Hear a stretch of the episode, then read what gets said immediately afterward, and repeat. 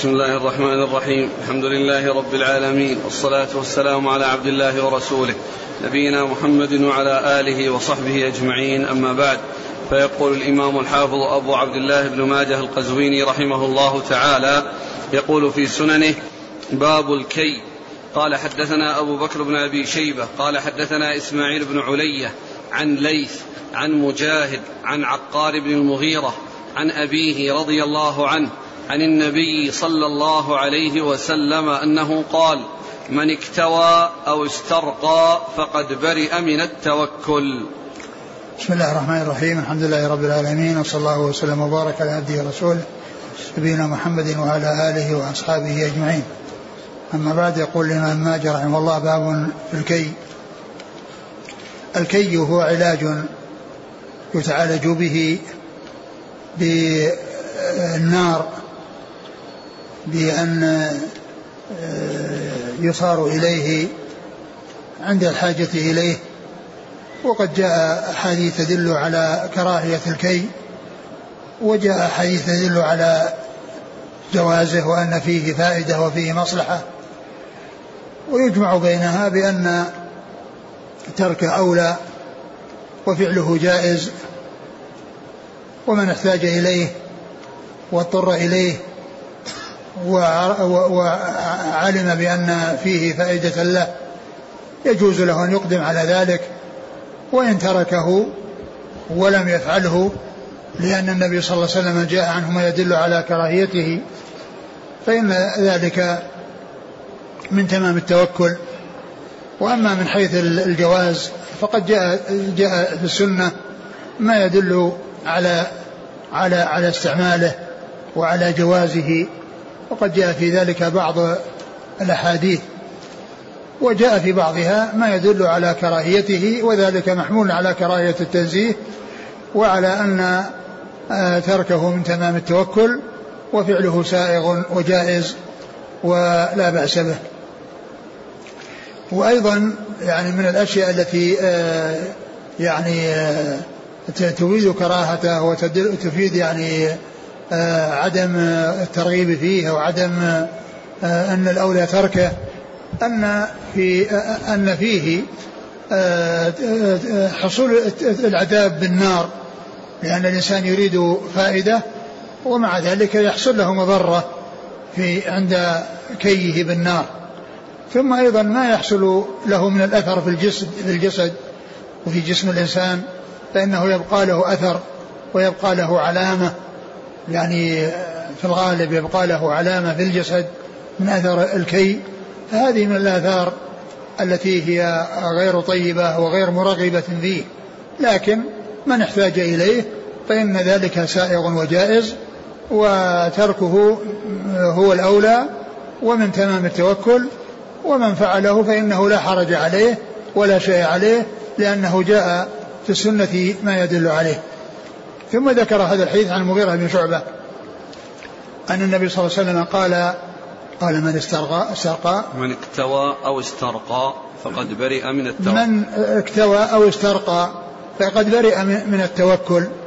والمقصود من والمقصود من هذا يعني ليس معنى ذلك أنه ليس من المتوكلين ولكن المقصود بذلك من تمام التوكل لأنه جاء ما يدل على أن يعني من تمام التوكل ترك الاسترقاء وترك الاكتواء كما جاء في قصة السبعين ألف الذين يدخل الجنة بغير حساب ولا عذاب. ومن صفاتهم أنهم لا يسترقون ولا يكتوون ولا يتطيرون. فقد برئ من التوكل يعني برئ من تمام التوكل ومن كمال التوكل. وإلا فإن الأخذ بالأسباب لا ينافي التوكل. العلاج وأخذ العلاج واستعمال الأدوية واستعمال الأشياء التي يصير يطلب فيها الشفاء لا ينافي التوكل لأن هذه أسباب والله تعالى هو الذي آه، على كل شيء قدير. قد تكون قد يشاء وتكون الأسباب نافعة وقد يشاء غير ذلك لأن كل شيء يرجع إلى مشيئة الله عز وجل وإرادته آه، سبحانه وتعالى. فقوله فقد برئ من التوكل ليس معنى ذلك أنه ليس عنده توكل أصلا ولكن ليس عنده التمام الذي جاء في حديث السبعين ألف الذين لا يسرقون ولا يكتوون ولا يتطيرون وعلى ربهم يتوكلون يعني تمام التوكل. وإلا فإن فعل الأسباب جائز وهو لا ينافي التوكل. نعم. قال حدثنا أبو بكر بن أبي شيبة. ثقة أخرج أصحاب الكتب إلا الترمذي. عن إسماعيل بن علية. إسماعيل بن إبراهيم مقسم الأسدي وهو ينسب إلى أمه وهو ثقة أخرج أصحاب الكتب. عن ليث. ليث بن أبي سليم وهو صدوق اختلط فلم يتميز فترك خرج البخاري تعليقا ومسلم وأصحاب السنن. نعم لكنه جاء يعني يعني من من غير طريقه متابع له يعني منصور بن المعتمر وهو ثقة أخرج أصحاب الكتب. يعني هو متابع لليث فإذا الحديث يكون صحيحا يعني من من من الطريقة الثانية. يعني فيكون طريق سليم طريق ليث بن أبي سليم. هذه آه، بما تابعها من المتابعات القوية الصحيحة يكون الحديث بذلك صحيحا. نعم. عن مجاهد. مجاهد بن جبر المكي ثقة أخرج أصحاب الكتب. عن عقار بن المغيرة وهو ثقة أخرج له. الترمذي والنسائي بن ماجه نعم. عن أبيه. عن أبيه المغيرة بن شعبة رضي الله عنه أخرج أصحاب الكتب. قال حدثنا عمرو بن رافع قال حدثنا هشيم عن منصور ويونس عن الحسن عن عمران بن الحصين رضي الله عنهما أنه قال نهى رسول الله صلى الله عليه وسلم عن الكي فاكتويت فما أفلحت ولا أنجحت. ثم ذكر حديث عمران بن الحصين رضي الله عنه قال نهى رسول الله صلى الله عليه وسلم عن الكي فاكتويت. يعني نهى نهي تنزيه ليس نهي تحريم. وأن الرسول نهى عن الكي وكره وذلك لكونه خلاف الأولى لا لأنه حرام. قال فاكتويت. فما أفلحت وما ولا أنجحت. ولا أنجحت. يعني ما حصل الفائدة التي يرجوها ويؤملها يعني من وراء الكي لأن الكي سبب من الأسباب وقد ينفع ذلك السبب إذا فعله الإنسان وقد لا ينفع. قد يكون الإنسان يستعمل الكي ويحصل له من ورائه فائدة وقد يستعمل الكي ولا يحصل من ورائه فائدة بل يحصل أنه تضرر أنه تضرر بالكي نفسه عند الكي بحيث يعني آه، مسه يعني مسته النار بذلك الكي وتألم منه وأيضا ما يكون من الآثار التي تكون في الجسد بسببه فإن أثره يعني يبقى في الجسد ويكون علامة في جسد الإنسان. نعم. قال حدثنا عمرو بن رافع هو؟ ثقة أخرج له ابن ماجه. نعم. عن هشيم. هشيم بن بشير الواسطي ثقة أخرج أصحاب الكتب. عن منصور ويونس. منصور بن زادان وثقة أخرج أصحاب الكتب وهو من العباد. وقد قيل في ترجمته أنه آه، قال بعض العلماء لو قيل لمنصور بن زادان إن ملك الموت بالباب. يعني ما بقي إلا قبض روحه. ما كان بإمكانه أن يأتي بعمل جديد. لأنه دائما على استعداد للموت بالأعمال الصالحة. دائما وأبدا على استعداد للموت بالأعمال الصالحة. لو قيل لمنصور بن زادان إن ملك الموت بالباب يعني جاء لقبض روحه ما عنده شيء جديد يأتي به. لأنه دائما في طاعة الله عز وجل ومستمر على طاعة الله باستمرار. كما قال الله عز وجل يا أيها الذين اتقوا الله حق تقاته ولا تموتن إلا وأنتم مسلمون. وهو دائما ملازم للعبادة وملازم للطاعة ف يعني يعني لو قيل له إن ملك الموت باب ما كان بإمكانه أن يأتي بعمل جديد استعدادا للموت. وإنما هو عمله مستمر في طاعة الله عز وجل وطاعة رسوله صلى الله عليه وسلم. ويونس هو بن عبيد وهو ثقة أخرج أصحاب الكتب. عن الحسن. الحسن بن أبي الحسن البصري وهو ثقة أخرج أصحاب الكتب وهو مدلس وهنا روى بالعنعنة ولكنه متابع. توبع في الرواية عن عمران بن حسين فالحديث يكون صحيحا. نعم. عن عمران بن الحصين. عمران بن حسين رضي الله تعالى عنهما أخرج أصحاب الكتب. قال حدثنا أحمد بن منيع قال حدثنا مروان بن شجاع قال حدثنا سالم الأفطس عن سعيد بن جبير عن ابن عباس رضي الله عنهما أنه قال الشفاء في ثلاثة شربة عسل وشرطة محجم وكية بنار وأنهى أمتي عن الكي رفعه. ثم ذكر هذا الحديث عن ابن عباس فقال الشفاء في ثلاث مدقة عسل وكية نار وشرطة محجم وأنهى أمتي عن الكي. فهذا فيه بيان أن الكي من جملة الأشياء التي فيها الشفاء. بهذا الحديث الذي أخبر به الرسول صلى الله عليه وسلم. وقال أنهى أمتي عن الكي يعني يعني معناها أنها مثل ما تقدم كونه يكره الكي.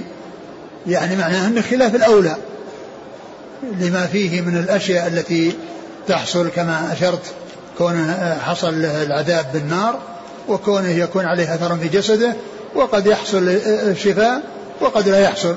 وإن لم يحصل حصل له ذلك الأذى ولم يحصل ذلك الشفاء. الحاصل أن الحديث يعني فيه النهي وفيه بيان آه، أنه فيه شفاء ويحمل يعني ما جاء من النهي أو من الكراهية على التنزيه لا على التحريم. نعم.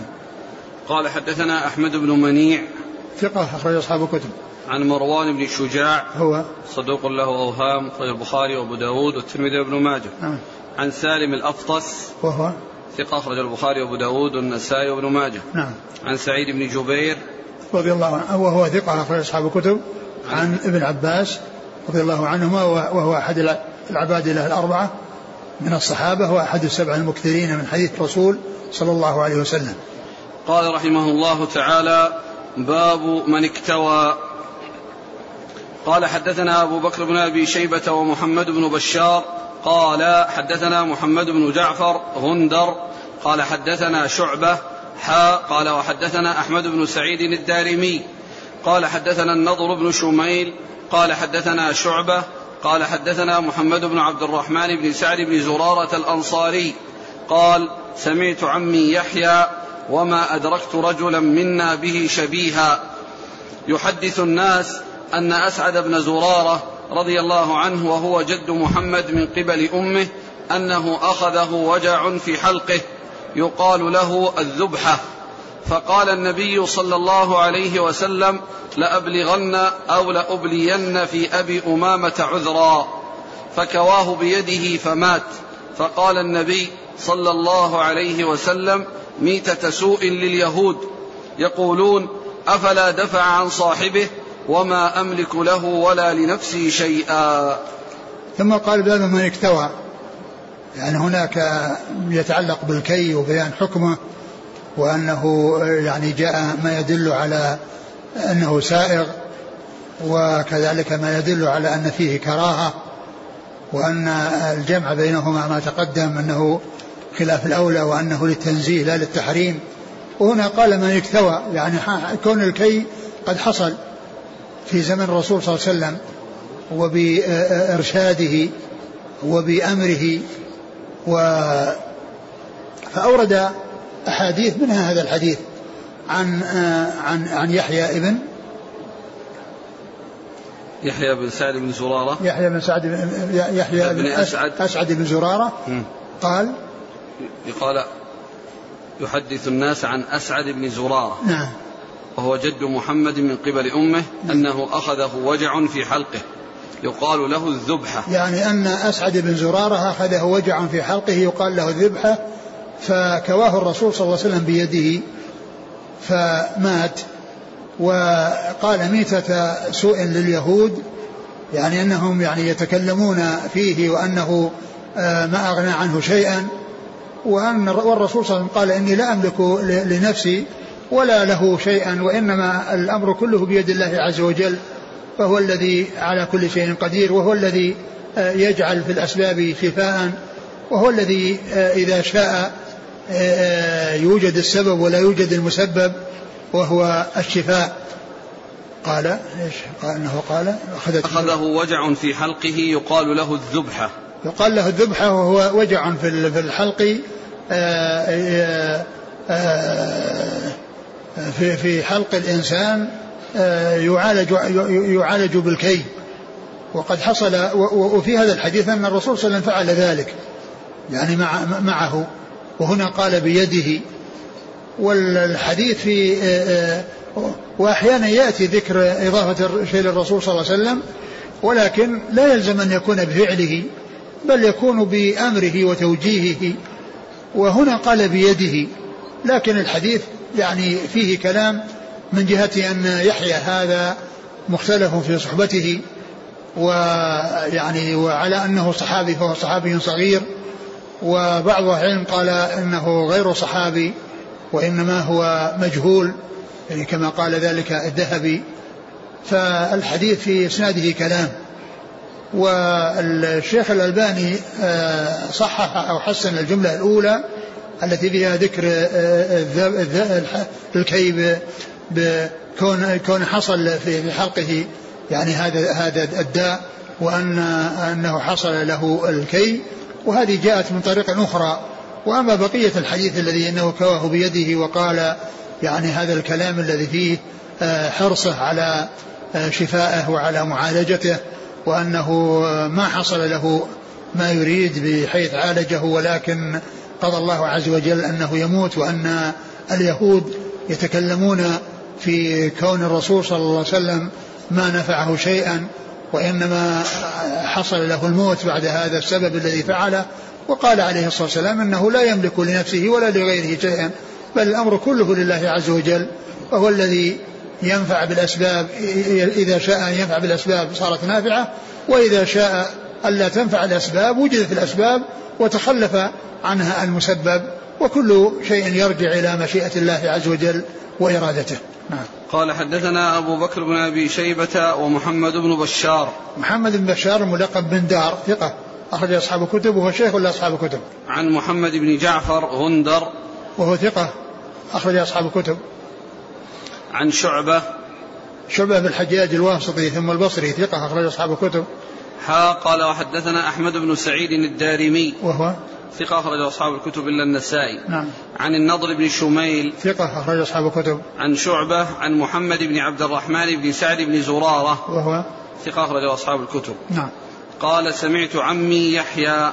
نعم وهو قيل إنه صحابي صغير وقيل إنه ليس له صحبة وهو مجهول. نعم. ابن ماجه. نعم. يقول وما أدركت رجلا منا به شبيها. يعني يثني عليه يعني في آه، صلاحه وأنه ما أدرك أحدا يشبهه.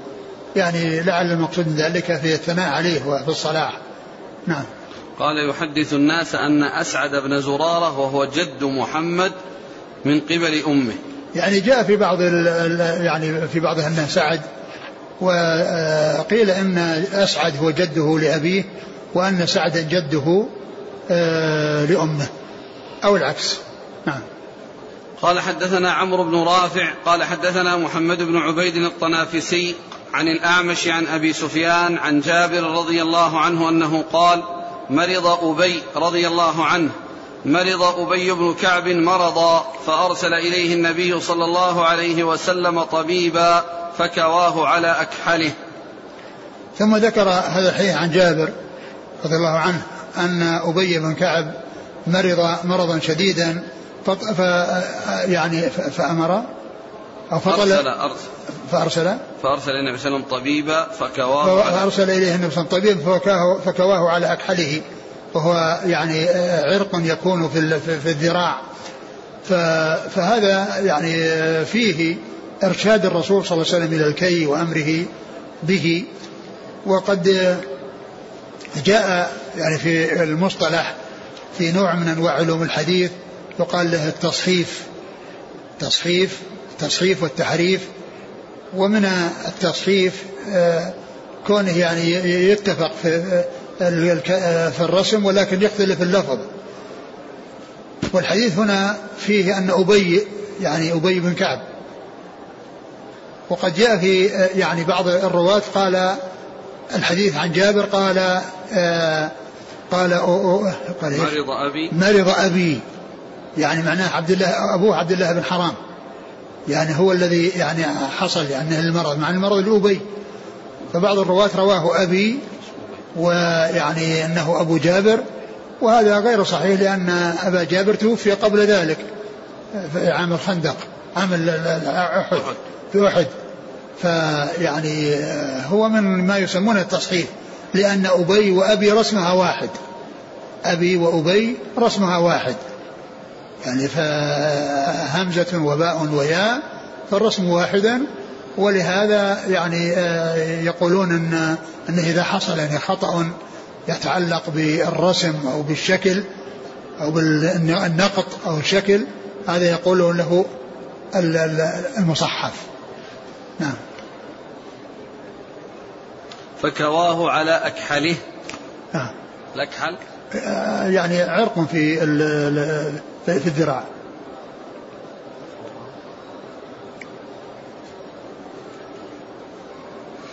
قال حدثنا عمرو بن رافع عن محمد بن عبيد الطنافسي. هو ثقة؟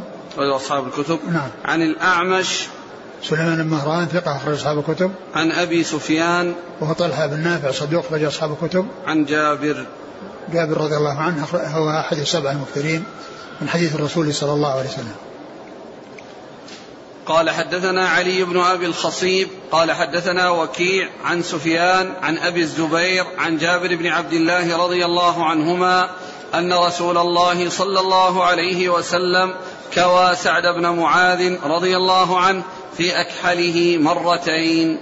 ثم ذكر هذا الحديث عن جابر رضي الله عنه أن النبي صلى الله عليه وسلم كوى سعد بن معاذ في أكحله مرتين.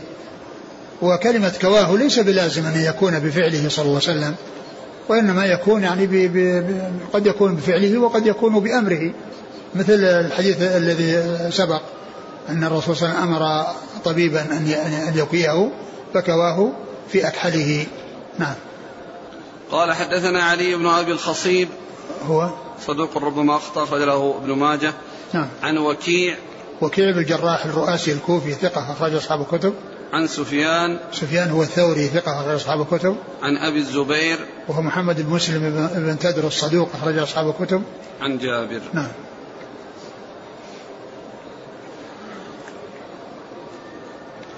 قال رحمه الله تعالى باب الكحل بالإثمد قال حدثنا أبو سلمة يحيى بن خلف. قال حدثنا أبو عاصم. قال حدثني عثمان بن عبد الملك. قال سمعت سالم بن عبد الله يحدث عن أبيه رضي الله عنه أنه قال قال رسول الله صلى الله عليه وعلى آله وسلم عليكم بالإثمد فإنه يجل البصر وينبت الشعر. ثم باب باب باب الكحل بالإثمد نعم. باب الكحل بالإثمد والإثمد هو يعني آآ آه، آآ آه، يعني آآ آه، هو يعني علاج أو يعني مادة يعني كذا حجر أو غير حجر يعني تداوى به العين أو يعني تستعمل في العين من أجل تجلية البصر ومن أجل إنبات الشعر. وهنا ذكر هذا الحديث في كتاب الطب يعني معناه على أنه من قبيل العلاج وأنه يعني يستعمل للعلاج لأن فيه تجلية البصر وإنبات الشعر. وذكر هذا الحديث ويعني وفي إسناده آه، من فيه كلام وكذلك حديث بعده إلا أن يعني بعضها يشهد لبعض والحديث الأخير من الاحاديث الثلاثة يعني هو أسلمها وأقواها وتكون فيكون هذا الحديث والذي بعده مما فيه كلام يعني يعتبر أو يكون ثابتا بمجموع تلك الأحاديث لا سيما الحديث الأخير منها. نعم. عليكم بالإثمد فإنه يجل البصر وينبت الشعر. يجل البصر يعني يصفيه ويعني يجعله يعني آه، قويا ويستفاد منه في يعني آه، البصر وحسن آه، البصر. نعم. وينبت الشعر. وينبت الشعر يعني شعر الأجفان. يعني أجفار أجفان العين. نعم. قال حدثنا أبو سلمة يحيى بن خلف. هو صدوق له مسلم وأبو داود والترمذي وابن ماجه. نعم. عن أبي عاصم. وهو الضحاك بن مخلد النبيل ثقة أخرج أصحاب الكتب. عن عثمان بن عبد الملك. وهو لين الحديث نعم. له الترمذي في الشمائل وابن نعم. ماجه. نعم. عن سالم بن عبد الله. وهو بن عبد الله بن عمر وهو ثقة فقيه أخرج أصحاب الكتب. عن أبيه عبد الله بن عمر رضي الله عنهما أحد العبادلة الأربعة. من الصحابة واحد السبعة المكثرين من حديث الرسول صلى الله عليه وسلم. قال حدثنا أبو بكر بن أبي شيبة قال حدثنا عبد الرحيم بن سليمان عن إسماعيل بن مسلم عن محمد بن المنكدر عن جابر رضي الله عنه أنه قال سمعت رسول الله صلى الله عليه وعلى آله وسلم يقول عليكم بالإثمد عند النوم فإنه يجل البصر وينبت الشعر. ثم ذكر هذا الحديث ومثل الذي قبله أن فيه زيادة عند النوم؟ وقال وعلله بما يعني تقدم في الحديث السابق.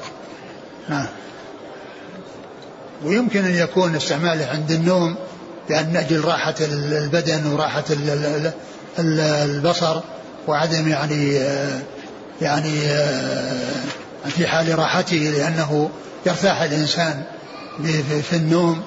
فيكون في ذلك فائدة. نعم. قال حدثنا أبو بكر بن أبي شيبة عن عبد الرحيم بن سليمان. هو ثقة أخرج له. أصحاب الكتب. نعم. عن إسماعيل بن مسلم. وهو المكي وهو ضعيف. وله الترمذي بن ماجه. نعم. عن محمد بن المنكدر. ثقة أخرج أصحاب الكتب. عن جابر. نعم. قال حدثنا أبو بكر بن أبي شيبة قال حدثنا يحيى بن آدم عن سفيان عن ابن خثيم عن سعيد بن جبير عن ابن عباس رضي الله عنهما أنه قال قال رسول الله صلى الله عليه وعلى آله وسلم خير أكحالكم الإثمد يجل البصر وينبت الشعر.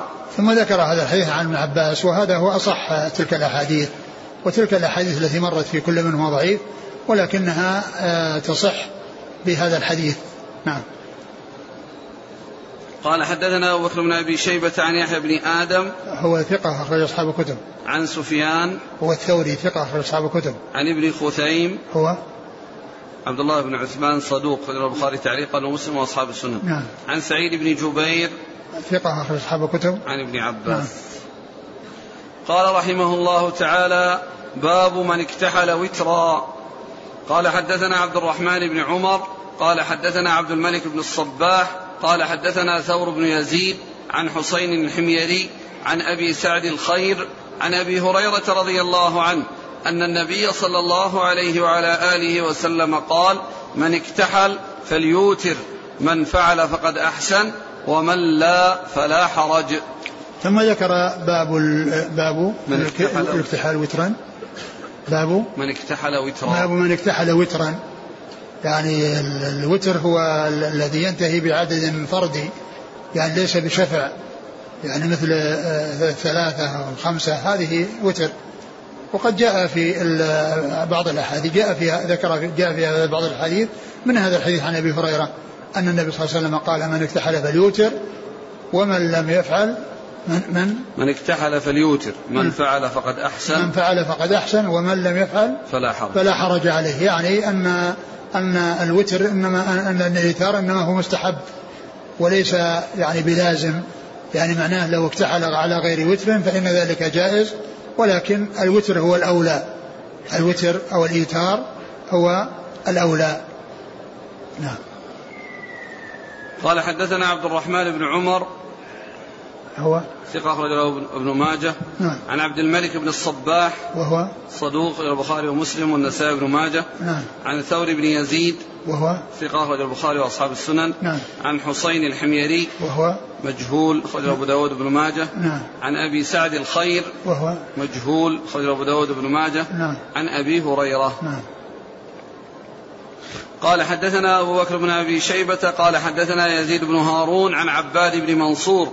عن عكرمة عن ابن عباس رضي الله عنهما أنه قال كانت للنبي صلى الله عليه وسلم مكحلة يكتحل منها ثلاثا في كل عين.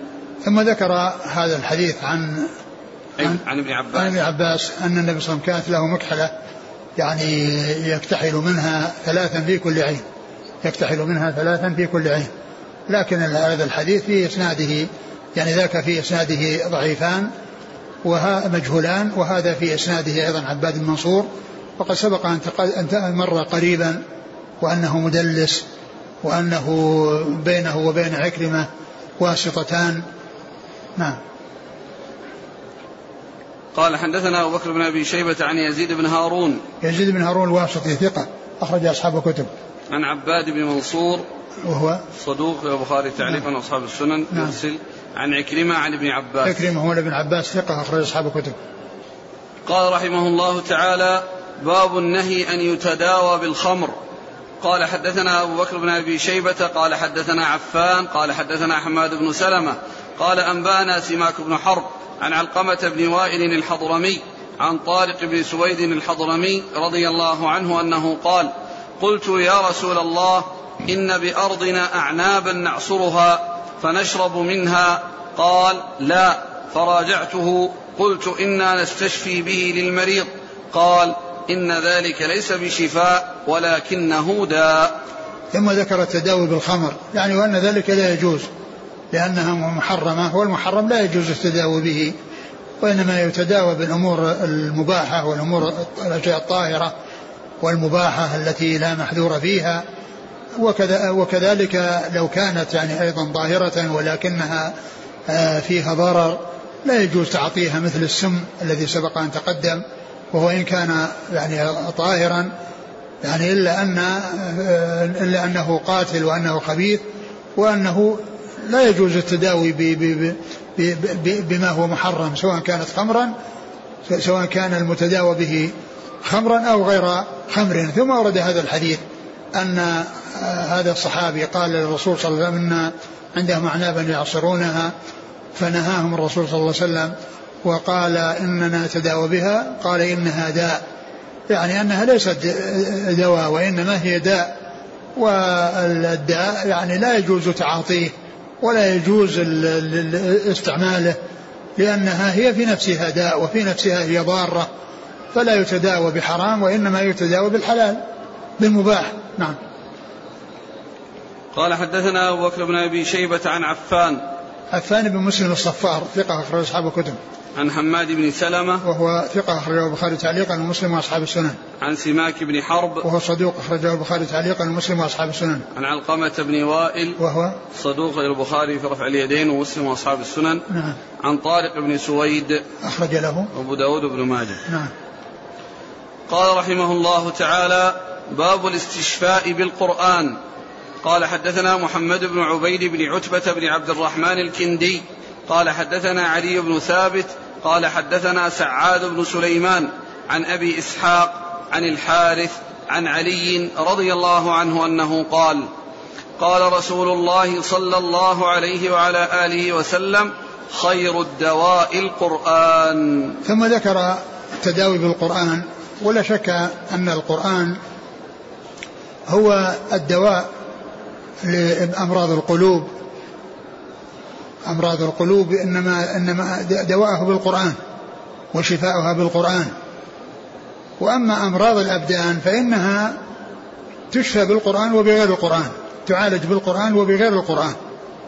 وأما القلوب فإن هدايتها وشفاءها وسلامتها إنما هي بما جاء في كتاب الله عز وجل وسنة رسوله صلى الله عليه وسلم. كما قال الله عز وجل وأن هذا صراطي مستقيما فاتبعوه ولا تتبعوا السبل فتفرق بكم عن سبيله. وهو شفاء لأمراض القلوب ولأمراض الأبدان. وأمراض الأبدان يتعالج بالقرآن وبغير القرآن ولهذا يسترقى يعني آه، يرقى بالقرآن ويرقي الإنسان نفسه ويرقيه غيره ويعني يرجى الشفاء يعني ب ب يعني بالرقية في القرآن. فهو خير ما يعني هو خير ما يعني يكون فيه الشفاء وخير ما يكون فيه التداوي. يعني بالقرآن كون الإنسان يرقي نفسه وكذلك يرقي غيره. ذلك مما جعل الله مما فيه الشفاء. قال إن خي... قال خيركم خير خير الدواء القرآن. خير الدواء القرآن نعم. قال حدثنا محمد بن عبيد بن عتبة بن عبد الرحمن. هو صدوق غير ابن ماجه. نعم. عن علي بن ثابت. هو؟ صدوق له النسائي بن ماجه. نعم. عن سعاد بن سليمان. وهو؟ صدوق يخطئ أخرجه ابن ماجه. نعم. عن أبي إسحاق. عن إسحاق السبيعي وهو عمرو بن آه، آه، عمرو بن عبد الله. ثقة أخرج أصحاب الكتب. عن الحارث. حارث الأعور وهو؟ في حديثه ضعف أخرج أصحاب السنن. نعم، نعم. عن علي. علي رضي الله عنه أمير المؤمنين ورابع الخلفاء الراشدين. الهادين المهديين صاحب المناقب الجمة والفضائل الكثيرة. والحديث في إسناده الحارث الأعور وهو غير صحيح ولكن يعني معناه صحيح من حيث أن كما ذكرت أن أمراض القلوب وشفاؤها وهدايتها إنما يكون من القرآن. وأما أمراض الأبدان فإنها تعالج بالقرآن وفيه وفيها وفيه الشفاء لها. وتعالج بغير القرآن. نعم.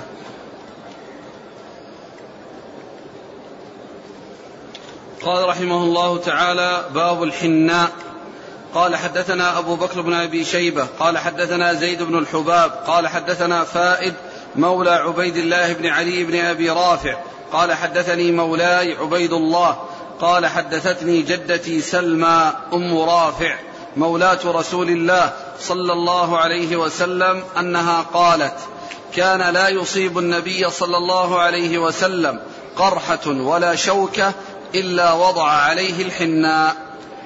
ثم ذكر باب الحناء يعني العلاج بالحناء والمعالجة بالحناء فأورد في هذا الحديث عن سلمى أم جدة سلمى؟ نعم. جدة مولاة. أم رافع مولاة مولاة الرسول صلى الله عليه وسلم أن النبي صلى الله عليه وسلم كان لا يكون به قرحة ولا شوكة. ولا شوكة يعني يصيبه شوكة إلا وضع عليها حناء إلا وضع عليها يعني حناء يعني يتعالج بذلك. والحديث في إسناده في إسناده ضعف لأن فيه يعني هذا الذي يروي عن عن جدته هذا لين الحديث. نعم. قال حدثنا أبو بكر بن أبي شيبة عن زيد بن الحباب. صدوق أخرجه. خارج القراءة ومسلم وأصحاب السنن. نعم. عن فائد مولى عبيد الله بن علي. هو؟ صدوق أبو داود الترمذي وابن ماجه. نعم. عن مولاه عبيد الله. لين الحديث أخرج له. أبو داود والترمذي وابن ماجه. نعم. عن جدته سلمى. أخرج لها. أبو داود والترمذي وابن ماجه. نعم. قال رحمه الله تعالى باب أبوال الإبل. والله تعالى أعلم وصلى الله وسلم وبارك على عبده ورسوله نبينا محمد وعلى آله وأصحابه أجمعين جزاكم الله خيرا وبارك الله فيكم والهمكم الله الصواب ووفقكم للحق ونفعنا الله ما سمعنا وغفر الله لنا ولكم وللمسلمين أجمعين آمين. آمين. يسأل يقول فضيلة الشيخ ما حكم الحناء للرجال عموما وخاصة في ليلة الزفاف الرجال لا يجوز لا, لا, لا يصلح لهم الحنة لأن هذا من ما يتجمل به النساء لا يتجمل به الرجال. فالرجال يستعملونه للعلاج لكن لا يستعملونه للزينة. إن التزين به للنساء ليس للرجال. هذا يقول؟ آه، هل للرجل أن يكتحل ويستعمل الحناء للعلاج؟ نعم له أن يكتحل وله أن يستعمل الحناء للعلاج. يعالج بالحنة ويعالج بالكحل. وآخر يقول هل الاكتحال سنة عادة أم عبادة؟ معلوم أن يعني فيه فائدة يعني فيه فائدة يعني من ناحية تقوية البصر. والإنسان إن فعله فقد جاء ما يدل عليه وإن تركه ليس عليه شيء. هل يفرق بين الكحل الأسود والإثمد الذي يعرف بأنه يميل إلى اللون الأحمر؟ هو ما يعني الاكتحال للعلاج في أي يعني شيء يعني يكون سائغ يقول هل يجوز استعمال زيت الحية حيث يقال إنه ينفع في إنبات الشعر؟ لا لا لا يستعمل. أقول لا يستعمل المتخذ من هذه الأشياء المحرمة. وآخر يقول نسمع بأنه يتداوى بسم, بسم العقرب. فما حكم التداوي؟ يقول سم العقرب هو داء. كيف يتعالج بالداء؟ لا يتعالج الإنسان بالسم. وهذا يقول أحسن الله إليكم أشكل علي جواز ذكرتم جواز استعمال الكحول في التطهير. وغيره مع كونه محرم. هو شربه هو شربه يعني يحصل به الإسكار.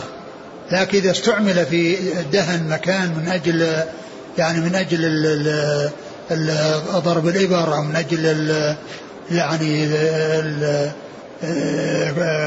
كون التخدير من أجل يعني من عمليات وما إلى ذلك. يعني هذا لا بأس به. يقول جزاكم الله خيرا ما ضابط الضرر والضرار الذي جاء في الحديث؟ فبعض الأشياء الضارة حرمها العلماء كالدخان بينما المشروبات الغازية ضارة ولم يحرمها أحد. معلوم أن المشروبات هذه الغازية التي لا تسكر ولا يعلم يعني حصول الضرر فيها الأمر الأصل الإباحة.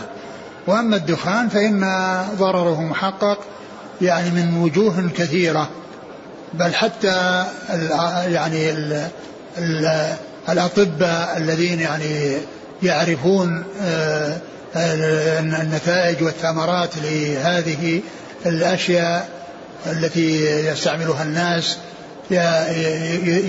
يوضحون ويبينون بأن الدخان أنه ضار وأنه غير نافع ولا شك أن أن ضرره محقق وذلك من وجوه.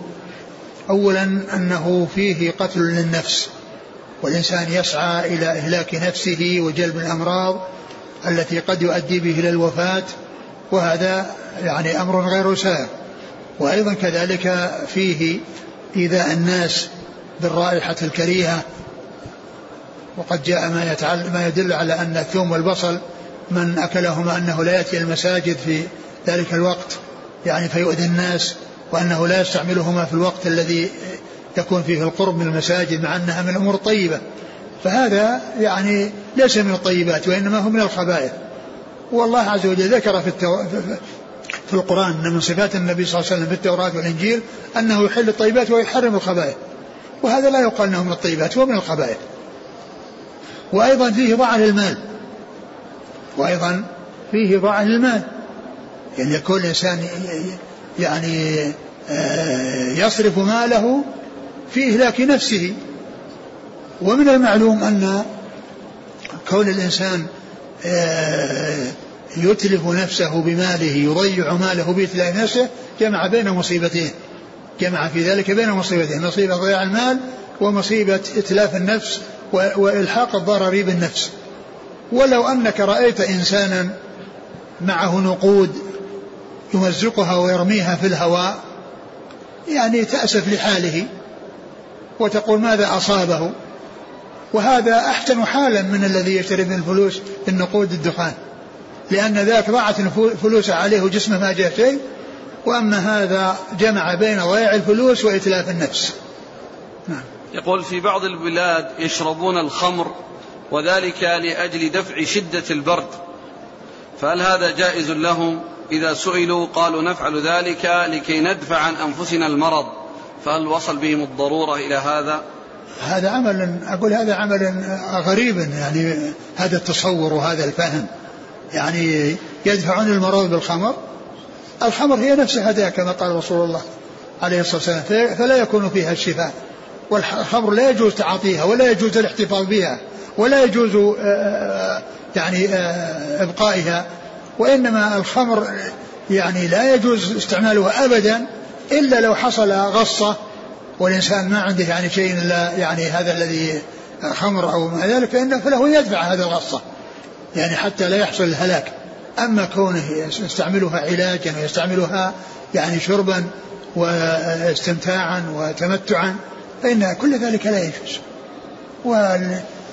ويبحثون عن عن السلامة من الأمراض بغير الخمر. هذه الخمر لتجلب لهم الأمراض. يقول ما حكم التداوي بتعليق قطعة جلد الأرنب على رقبة الصبي المصاب بداء في رأسه؟ وصفة التداوي كما يلي تجعل قطعة قطعة جلد الأرنب في قدر مع الماء ويوضع على النار حتى تغلي ثم حتى يغلي الماء ثم يغسل الصبي بهذا الماء. ثم تعلق قطعة من جلد الأرنب على رقبة الصبي. لا هذا التعليق لا يجوز. أما إذا كان جلد الجلد هذا فيه فائدة ومجرب فيه فائدة بحيث أنها إذا وضعت على يعني على على على شيء فيه يعني مرض في جسم الإنسان يعني يفيده يعني شيء من يعني جلود يعني مجرب هذا لا يجوز من أن إذا من أجل العلاج. أما كونه يعلق فإن هذا لا يجوز تعليق التمائم سواء كانت يعني جلود أو كانت يعني حروز أو كانت خرز أو كانت أي شيء لا يجوز تعليق هذه الأشياء من أجل أن فيها شفاء بل فيها يعني مضرة وتعلق القلوب بها. ف يعني هذا عمل منكر لا يجوز التعليق وأما يعني يكون يجرب يعني في الطب أو في الإعتياد أن آه، آه، شيئا فيه فائدة على حسب التجربة من ناحية آه، شرب أو دهان أو ما إلى ذلك لا بأس. أما التعليق فلا. يقول ما حكم العلاج بلسعات النحل؟ ما أدري يعني هل هل يعني يعني هل يعني ذلك مجرب أن فيه فائدة؟ إذا كان أنه مجرب وأن هذا معروف أنه يترتب فيه عليه فائدة ما في بأس. هذا يقول فضيلة الشيخ حفظك الله المعلوم أن ترياق سم كل نوع من الحياة والحيات إنما يستخرج من نفس سم الحية والمعلوم أن هذا الترياق يضاف إليه مواد وهو غير ضار أبدا اتخاذ يعني شيء من هذه الأمور من هذه الأشياء القاتلة أو السامة ليس للإنسان أن يأخذ منها شيئا للعلاج. نعم. هل استعمال الأدوية ينافي كمال التوكل أم أن هذا خاص بالكي؟ الذي يبدو الذي يبدو أن, أن الكي يعني هو الذي يعني ورد فيه. ما يدل عليه. أما مجرد أي دواء أو استعمال أي دواء أنه ينافي آه، كمال التوكل فليس كذلك.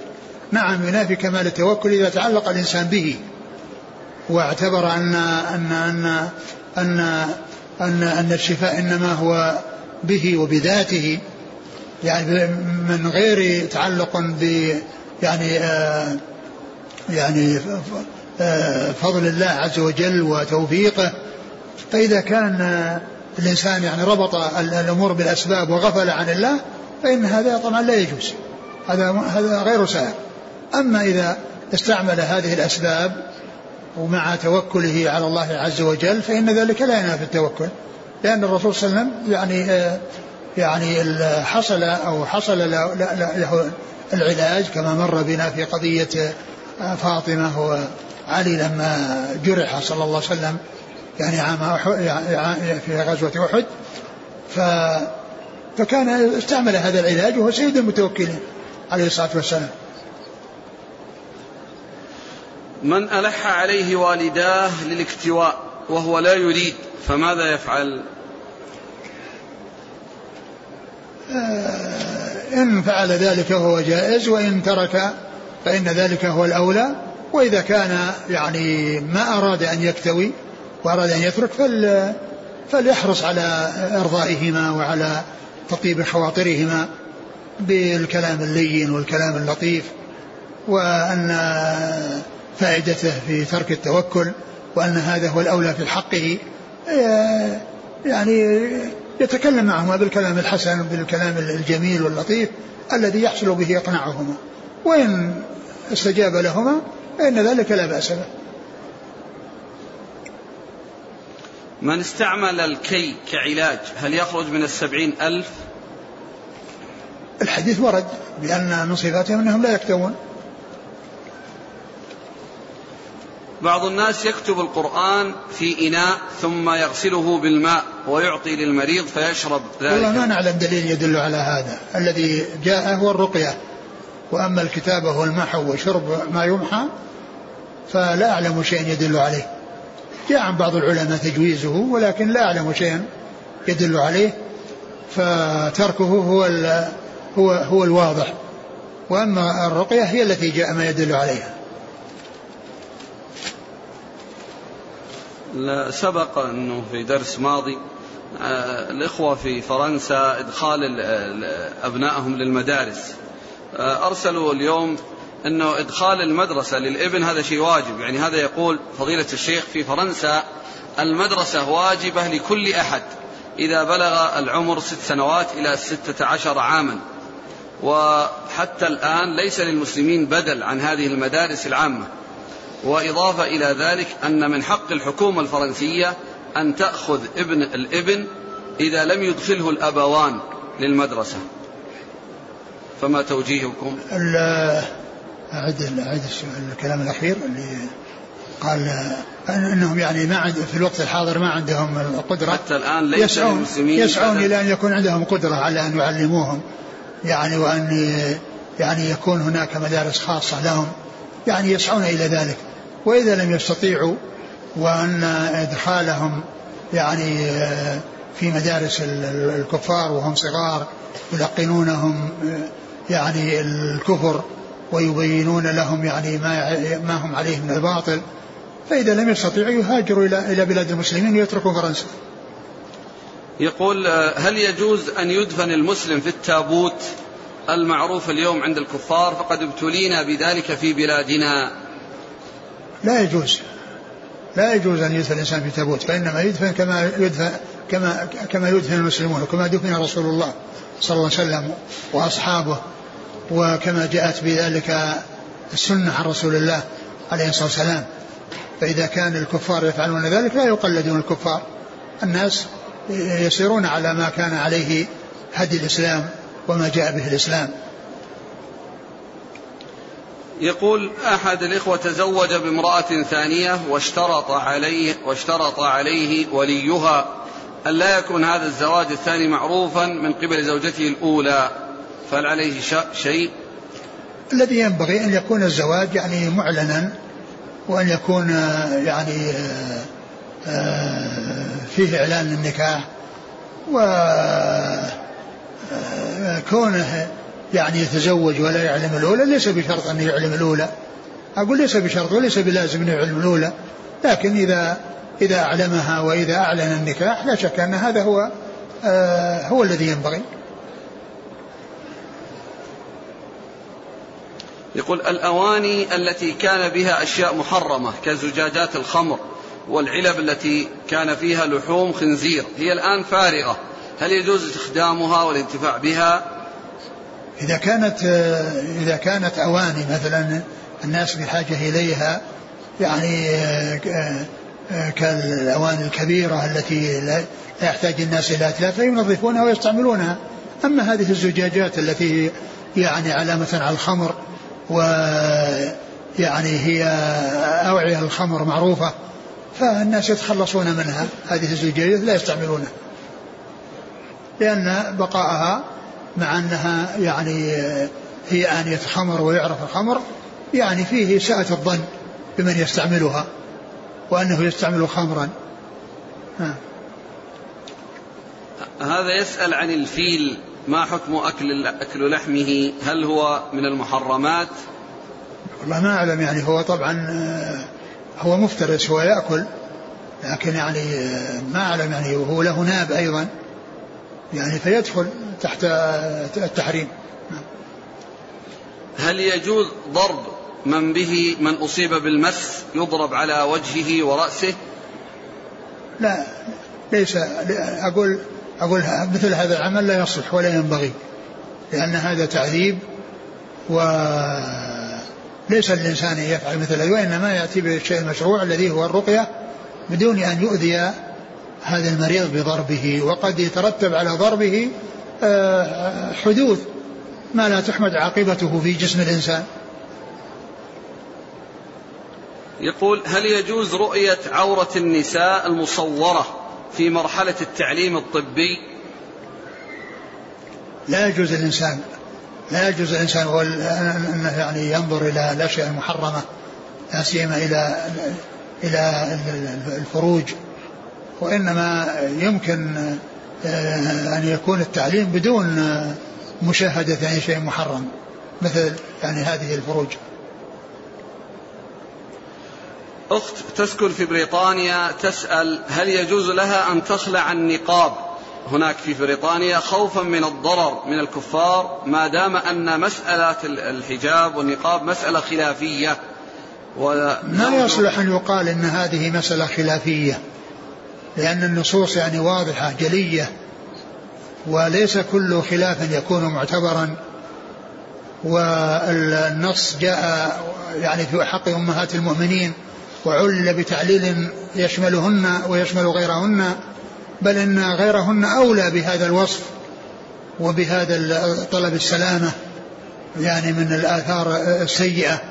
لأن قول ذلكم أطهر لقلوبكم وقلوبهن. إذا كان هذا في حق تلك المصونات وهن زوجات الرسول صلى الله عليه وسلم قيل فيهن هذا الكلام فكيف بالنساء التي هن عرضة للبلاء وعرضة للشرور؟ لا شك أنهن أولى بأن فالمرأة عليها أن تحتجب وأن تبتع تحذر أن تتبرج وأن تكون يعني سافرة وتقبض على دينها كما يقبض الإنسان على الجمر كما جاء في بعض الأحاديث عن الرسول صلى الله عليه وسلم الإنسان قابض على دينه. يعني كالقابض على الجمر يعني يحتاج إلى صبر ويحتاج إلى آه احتساب. ما يكون الإنسان ينصاع وراء ما يحصل للناس وما يحدثه الناس وما هو موجود آه في بعض البلاد من من الانفلات بل تحرص المرأة على أن تكون مستترة وأن تكون سليمة من أن تتعرض نفسها للسفور والتبرج. يقول هل يجوز للمسلم أن يعمل في الكنيسة كنيسة الكفار أو أن يبني للكفار كنيسة؟ أبدا. لا يجوز لا أن يبني الكنائس ولا أن يشتغل في الكنائس. ما حكم بيع دم الإنسان؟ لا يجوز. لا يجوز البيع والتبرع سائر. يقول سلمك الله هناك دعوات عبر رسائل الإعلام المختلفة تهدف إلى التشكيك في علماء أهل السنة المتقدمين والمعاصرين. من أجل صرف الناس عن الكتاب والسنة فما توجيهكم حفظكم الله. مثل هؤلاء لا يلتفت إلى كلامهم. وهؤلاء قطاع الطرق. يقطعون طريق الهداية على الناس. وألا تصل إليهم الهداية. فالإنسان يحرص على اتباع الكتاب والسنة. وعلى الدعوة إلى الكتاب والسنة. ويبتعد عمن يكون عنده انحراف عن الكتاب والسنة. أو دعوة إلى ترك شيء مما جاء في الكتاب والسنة. فالإنسان يسلك طريق الاستقامة ويبتعد عن الطرق المنحرفة التي تخرج عن الجادة المستقيمة كما قال الله عز وجل وأن هذا صراطي مستقيما فاتبعوه ولا تتبعوا السبل فتفرق بكم عن سبيله ذلكم وصاكم به لعلكم تتقون. فمثل هؤلاء الذين يقطعون الطريق الموصل إلى الحق على الإنسان أن يبتعد يعني عن الاشتغال بكلامهم أو قراءة كلامهم أو الالتفات إلى يعني ما عندهم وإنما يشتغل بما يعود عليه بالخير ويحرص على أن يكون متبعا لما كان عليه عليه سلف هذه الأمة وأن يسير على صراط مستقيم ويبتعد عن قرناء السوء وعن من يدعو إلى السوء أو يعني يقطع الطريق الموصلة إلى الحق على الناس يبتعد عن هؤلاء لأن هؤلاء يعني يجلبون الضرر إلى غيرهم كما ابتلوا به هم أنفسهم يعني لأنهم ضلوا وأرادوا أن يضلوا الناس معهم. نعم. يقول ما رأي فضيلتكم في الرسالة التي انتشرت في الجوال وفيها أيها المسافر إلى الله؟ اربط حزام التقوى واتبع إشارات القرآن والزم طريق السنة فأمامك نقطة تفتيش القبر فكن حذرا. مثل هذه الأمور هذه ما يصلح الاشتغال بها. هناك يعني نصوص الكتاب والسنة يعني فيها العبر وفيها العظات دون مثل هذه الأشياء التي يعني جديدة والتي هي يعني أشبه بالتنكيت. وما أو ما يشبه ذلك.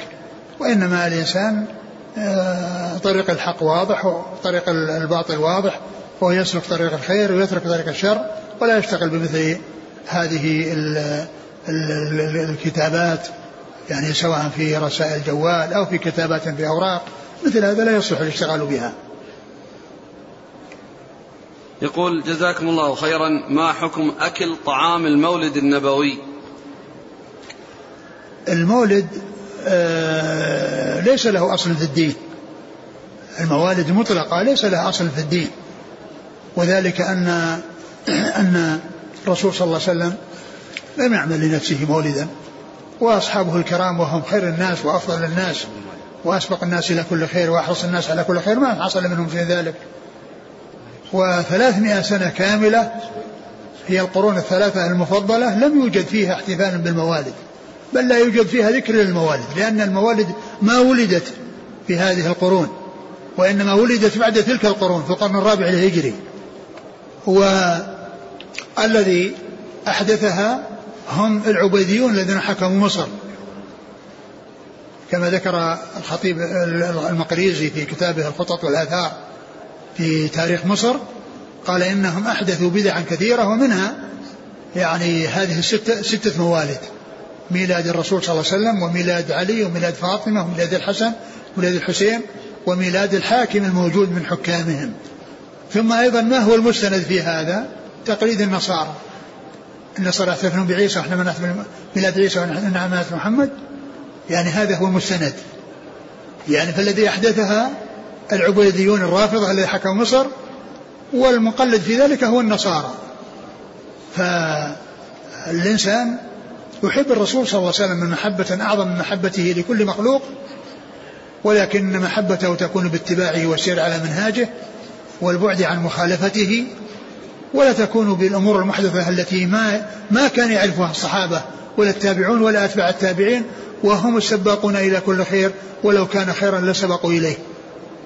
محبة الرسول صلى الله عليه وسلم ما تكون بالموالد تكون باتباعه صلى الله عليه وسلم في جميع السنة وفي جميع الأوقات يعني يمتثل ما جاء به ويترك ما نهى عنه عليه الصلاة والسلام. هذه محبة الرسول صلى الله عليه وسلم. والإنسان لا يحضر الموالد إلا إذا حضرها من أجل يبين ما فيها من فساد. أما كونه يحضر ويجلس يأكل لا يفعل. لا أهدي إليه الآن. ما ينبغي له أيضا أن يقبل مثل هذا. يقول هذا مثل هذا هذا أمور محدثة ولا يعني لا يقبل مثل هذا. يقول أحسن الله إليك الآن في بلادنا يجري تصويت في الانتخابات فهل يجوز أن أشارك؟ أنا ما أدري إيش الانتخابات التي تشارك بها. إذا كان يعني وبلادك ما أدري إيش يعني آه، الدخول في المشاركة هذه. إذا كان يترتب على ذلك أنك سترتكب أمور محرمة لا تدخل. إذا كان أن اشتراكك يؤدي إلى أن ترتكب أمور محرمة لا تفعل. وإذا كان لا يترتب على ذلك أمور محرمة ولكن يترتب على ذلك مصلحة وهي أن أن يكون هناك أناس يعني آه لابد من واحد منهم وبعضهم أحسن من بعض وبعضهم أسوأ من بعض. فإذا كان آه دخولك يكون في مصلحة للمسلمين دون أن يلحقك مضرة لا بأس. أما إذا كان يترتب عليك مضرة فليس لك أن تدخل. لكن إذا كانت المسألة دائرة بين شخصين شخص في مصلحة المسلمين وشخص في مضرة على المسلمين وأنت يعني آه، آه، صرت مع هذا الذي فيه مصلحة المسلمين ودخولك يعني يرجح جانبه افعل لأن هذا في مصلحة. أما إذا كان دخولك ما سيترتب عليه مضرة عليك في نفسك وأنك لا تقدم إلا ويلحق مضرة ابتعد. أن أن يحصل منك أي شيء يؤثر على دينك بسبب دخولك في أمر آه، قد يلحقك فيه مضرة. السؤال الأخير يقول ما حكم القنوت في صلاة الفجر؟ فقد أتونا بأحاديث لا ندري هل هي صحيحة أم ضعيفة. القنوت ثابت في النوازل ولا يكون خاصا بصلاة الفجر. وأما في غير النوازل فلم يأتي شيء يدل عليه. لا ليس هناك شيء ثابت يدل على القنوت في غير النوازل. والنوازل ثابت القنوت فيها وليس مختصا بالفجر بل يكون في جميع الصلوات. جزاكم الله خيرا. سبحانك اللهم وبحمدك أشهد أن لا إله إلا أنت أستغفرك وأتوب إليك.